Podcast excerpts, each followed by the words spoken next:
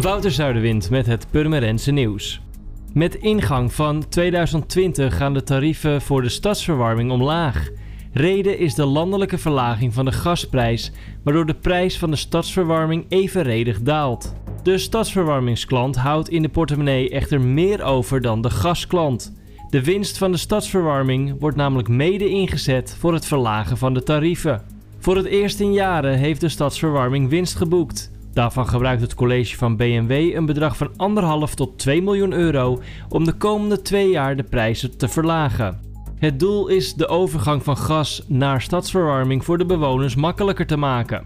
Hoe hoog de tarieven precies gaan worden, wordt later dit jaar bekend.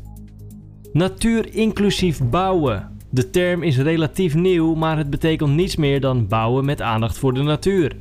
D66 Permanent organiseert op zondagmiddag 24 november een bijeenkomst over dit onderwerp in het Filmhuis. Het programma bestaat uit twee delen: de film The Nature of Cities en daarna geven deskundigen hun visie op het onderwerp. Jessica van IJs, Tweede Kamerlid van D66, Harwil de Jonge van Heijmansbouw en de permanente wethouders Thijs Kroes en Paul van Meekeren zullen in het panel plaatsnemen. De bijeenkomst is gratis toegankelijk.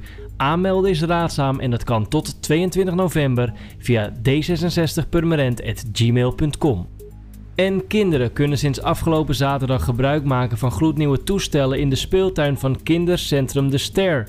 Naast een ruime zandbak, speelgoedhuisje en evenwichtsbalk bouwden een team vrijwilligers ook een pergola en een schuur waarin speelattributen veilig en droog kunnen worden opgeslagen. Het initiatief komt van stichting Horenbach Helpt.